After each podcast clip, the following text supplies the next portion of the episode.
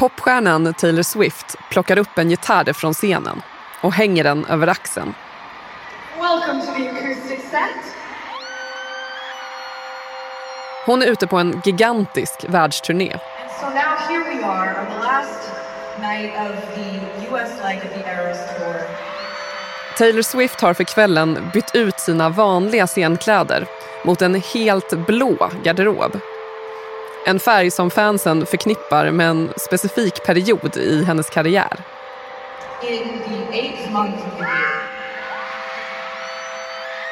Och det finns en anledning till att publiken nu blir helt till sig över det som Taylor Swift pratar om. On the ninth day.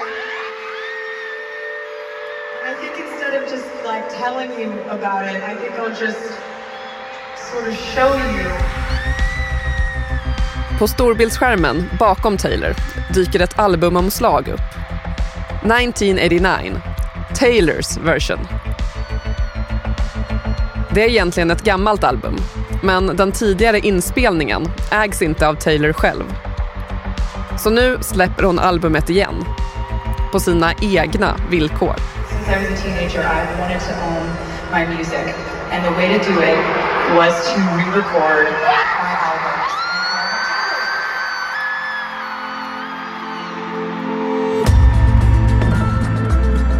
Från Dagens Nyheter. Det här är Spotlight.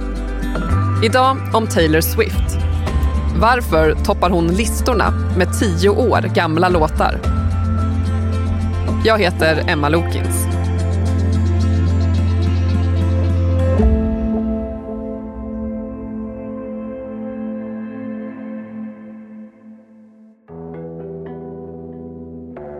So, how did you find out? I found out when it was online, like when it hit the news. Nobody in your inner circle Nobody knew. knew.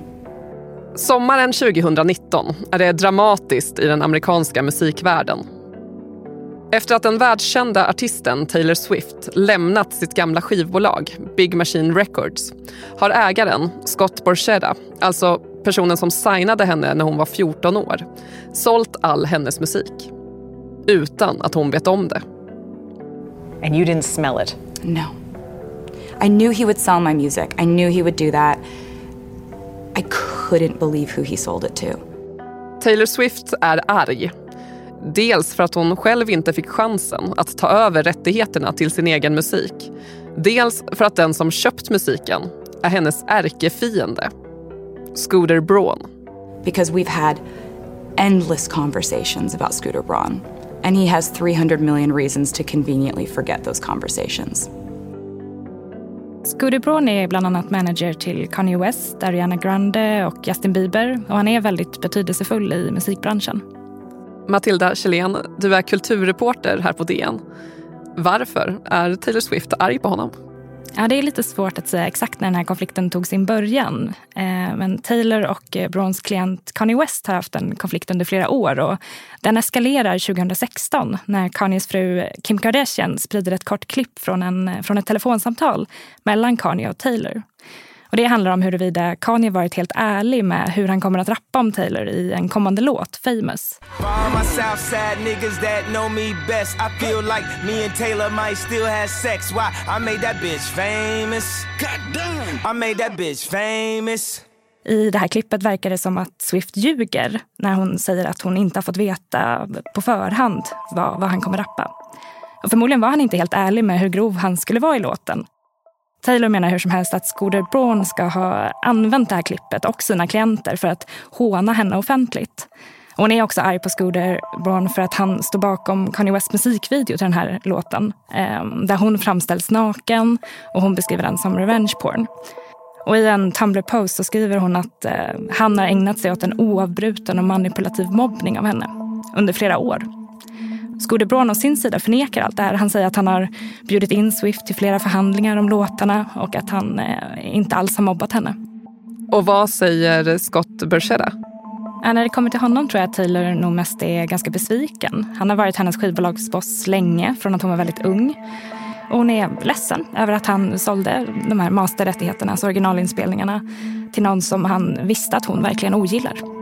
Och nu äger Scooter Braun alltså varenda låt som hon släppte innan 2018. Ja, precis. Det handlar om sex album som han äger masterrättigheterna till, alltså originalinspelningarna. Och hon menar ju då att hon inte ens gavs möjligheten att köpa, köpa loss dem själv. Hon visste att Brucheda skulle sälja rättigheterna förr eller senare men hon hade inte alls kunnat förutse var de skulle hamna.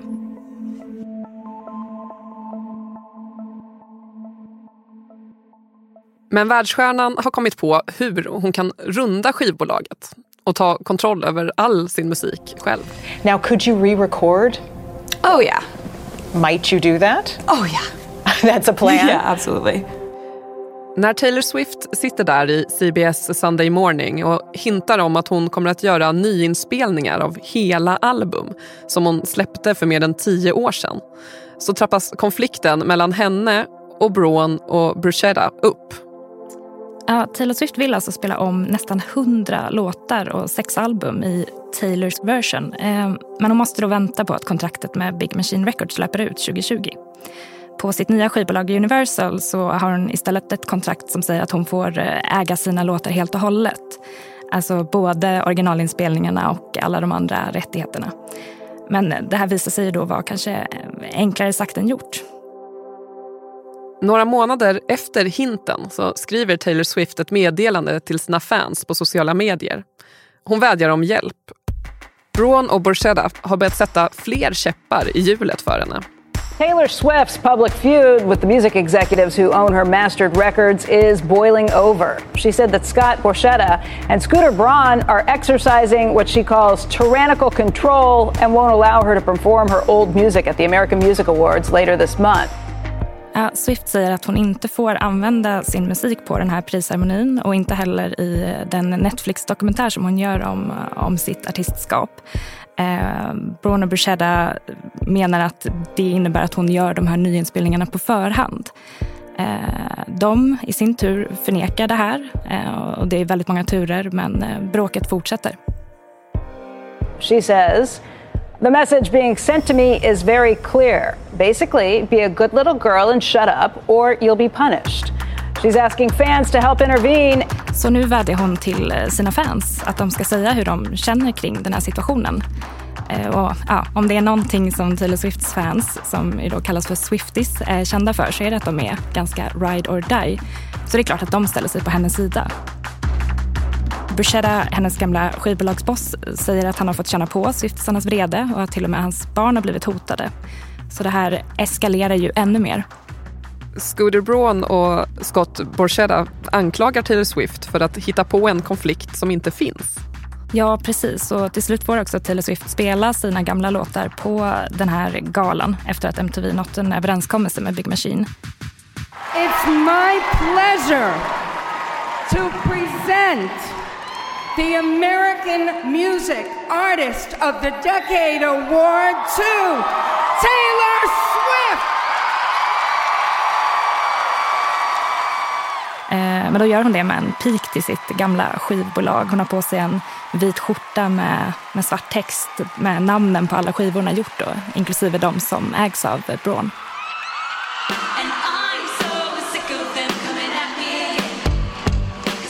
Att Scooter Braun och Scott Borchetta äger Swifts musik, betyder det att hon inte tjänar några pengar alls på den? Ja, alltså hon äger ju fortfarande rättigheterna till eh, melodierna, till låttexterna eftersom hon har skrivit sina låtar. Och eh, det är ju fortfarande någonting hon, hon tar del av så att säga. Men det här handlar ju just om originalinspelningarna, masterrättigheterna som de äger och eh, via dem får pengar på streams och liknande. Hej, Ulf Kristersson här. På många sätt är det en mörk tid vi lever i. Men nu tar vi ett stort steg för att göra Sverige till en tryggare och säkrare plats. Sverige är nu medlem i Nato. En för alla, alla för en. Vi är specialister på det vi gör, precis som du. Därför försäkrar vi på Swedea bara småföretag, som ditt. För oss är små företag alltid större än stora och vår företagsförsäkring anpassar sig helt efter firmans förutsättningar. Gå in på swedea.se företag och jämför själv.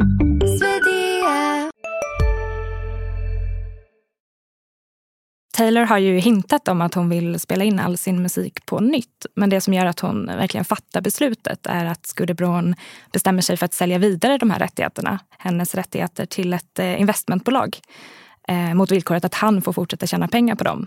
Så än en gång missar hon chansen att köpa loss sina egna låtar och eh, ja, det blir väl spiken i kistan. Hon skriver ett meddelande till sina fans att nu är det bestämt.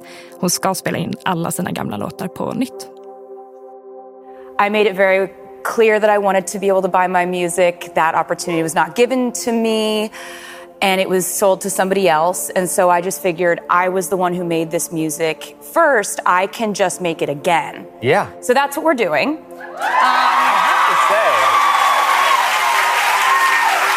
So that's what we're doing. So when something says in parentheses Taylor's version next to it, that means I own it, which is exciting. it's, um, it's quite It's quite a clever a loophole, oh, Taylor. I really tip my cap. Oh, thank you. Matilda Kjellén, är det vanligt att artister gör så här? Det är inte jättevanligt. Eh, det är vanligt att artister bråkar eller bryter med sina skivbolag. Men att faktiskt göra som Taylor Swift och spela in alla låtar på nytt är inte så vanligt. Det krävs en artist med en viss ställning som hon har. Eh, men det finns ju också några andra exempel eh, och det handlar också om artister med en stark ställning. Till exempel Frank Sinatra som på 60-talet spelade in alla sina låtar på nytt efter att han startat eget skivbolag. Vi har också Prince som bråkade med sitt skivbolag och därför spelade in sin låt 1999 eh, igen.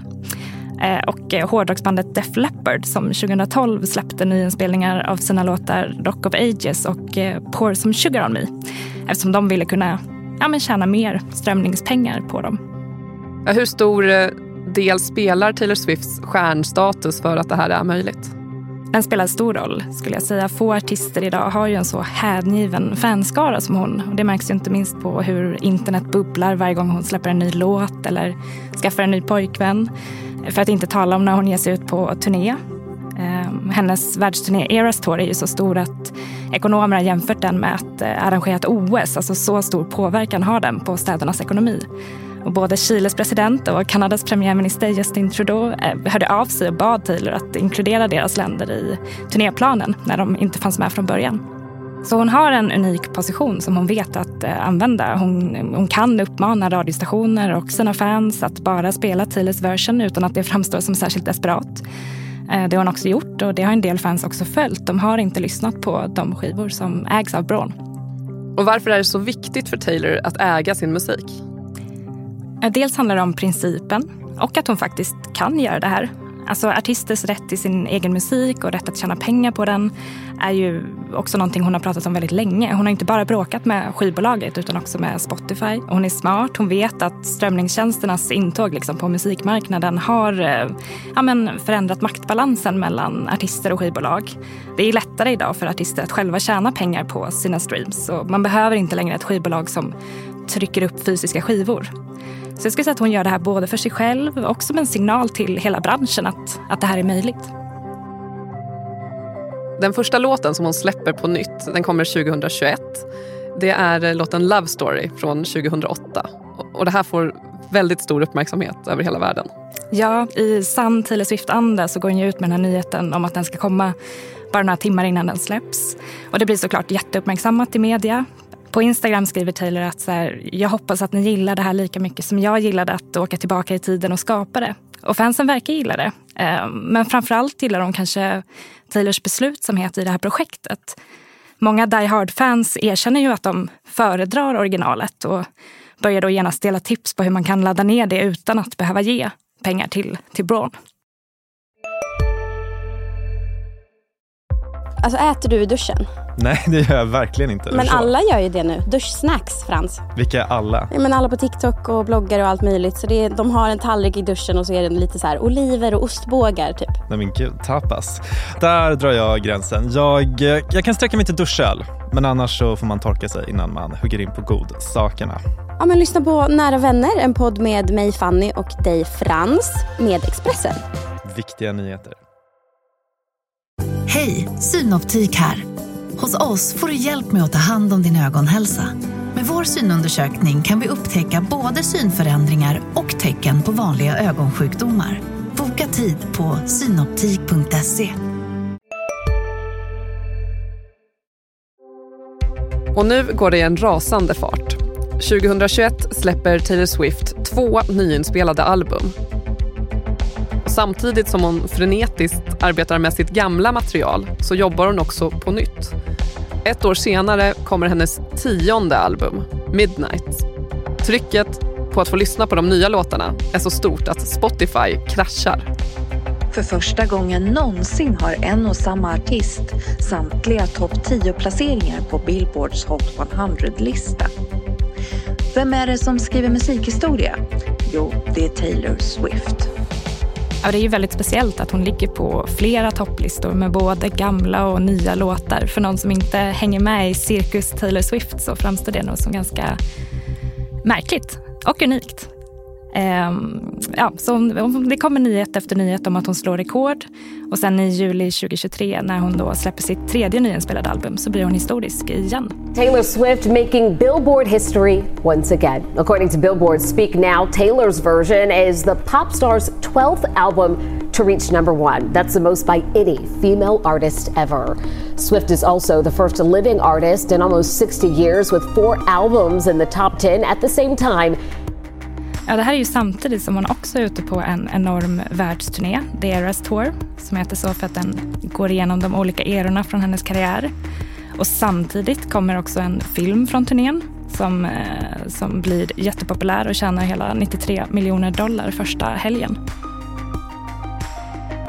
Taylor Swift har till och med blivit så stor att tidningen USA Today anställer en speciell Taylor Swift-reporter och när de spelar i Seattle så dansar fansen så vilt att det ger ett seismologiskt utslag. Det blir som ett jordskalv av magnituden 2,3 på Richterskalan. Hennes enorma popularitet och maktposition gör att det också skälver i musikindustrin. Skivbolagen vill hindra att den så kallade Taylor Swift-effekten sprider sig så att inte fler artister börjar göra nyinspelningar av sina låtar. Taylor Swift's re recording of her albums has seemingly upset some record labels. Been reported that companies and labels like Universal, Sony, and Warner are working to prevent artists from doing the same by overhauling contracts preventing them from re recording their material Taylor Swift style. Ja, det är någon slags Taylor Swift-effekt kan man kalla det. Det har kommit rapporter om att artister nu har presenterats med skivbolagskontrakt där man lovar att inte göra nyinspelningar förrän 10 eller till och med 30 år efter att man lämnat bolaget. Och det är ju inte det vanliga. Det vanliga är att man kanske måste vänta två år efter att kontraktet har gått ut. Och det är såklart ett sätt för bolagen att eh, behålla sin makt. Har Taylors offentliga bråk lärt nästa generations eh, musiker något? Ja, jag tänker att det är den andra sidan av Taylor Swift-effekten. Att hon har inspirerat artister att vara mer medvetna om sina rättigheter. Och också mer medvetna om att relationerna mellan artister och bolag förändras nu när allting handlar om digital strömning. Bara här i Sverige har vi flera exempel på framförallt kvinnliga artister som har tagit kontroll över sina egna låtar. Sara Larsson till exempel köpte ju loss alla sina och startade eget skivbolag häromåret. Jag tror att det blir svårt för skivbolagen att stå emot det här i längden om de eh, vill överleva. Och jag tror också att det blir vanligare att artister redan från början kräver att de ska få äga sina låtar fullt ut.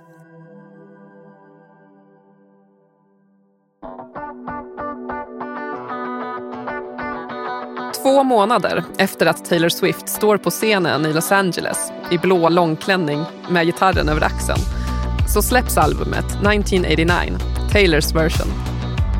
På sociala medier diskuterar fansen. Är nyinspelningen lika bra som originalet? Right away, right away at the start, the reason we don't initially like it, those synths are way too loud. It's not just guitar, it's guitar and synth. That was a bit. That was a bit different. I feel like that. The end was like a bit, not a little bit less punchy. Style in particular feels like an AI cover. I don't know. There's just something about that chorus that just feels nowhere near as slick as the original. That was really fucking that good was though. really fucking good. I loved it. That was really fucking good. En Washington Post-kritiker skriver att albumet är både louder och smoother. DNs kritiker Sara Martinsson skriver att något av originalets skeva, dimmiga kvalitet har gått förlorad. Jag älskade 1989 när den kom.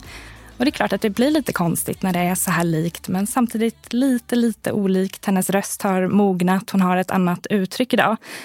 Men det är ju samma låtar och jag tänker att det här också är som en hyllning från Taylor till hennes yngre jag. Till den här artisten som kanske gjorde vissa misstag. Men ja, vem har inte gjort misstag i tonåren eller tidiga 20-årsåldern? Och, ja, det är fint. Det är en fin hyllning. Du har lyssnat på Spotlight med mig, Emma Lokins. Gäst i dagens avsnitt var Matilda Kjellén, reporter på DN Kultur. Producent för dagens avsnitt var Sabina Marmulakaj. Reporter Evelyn Jones.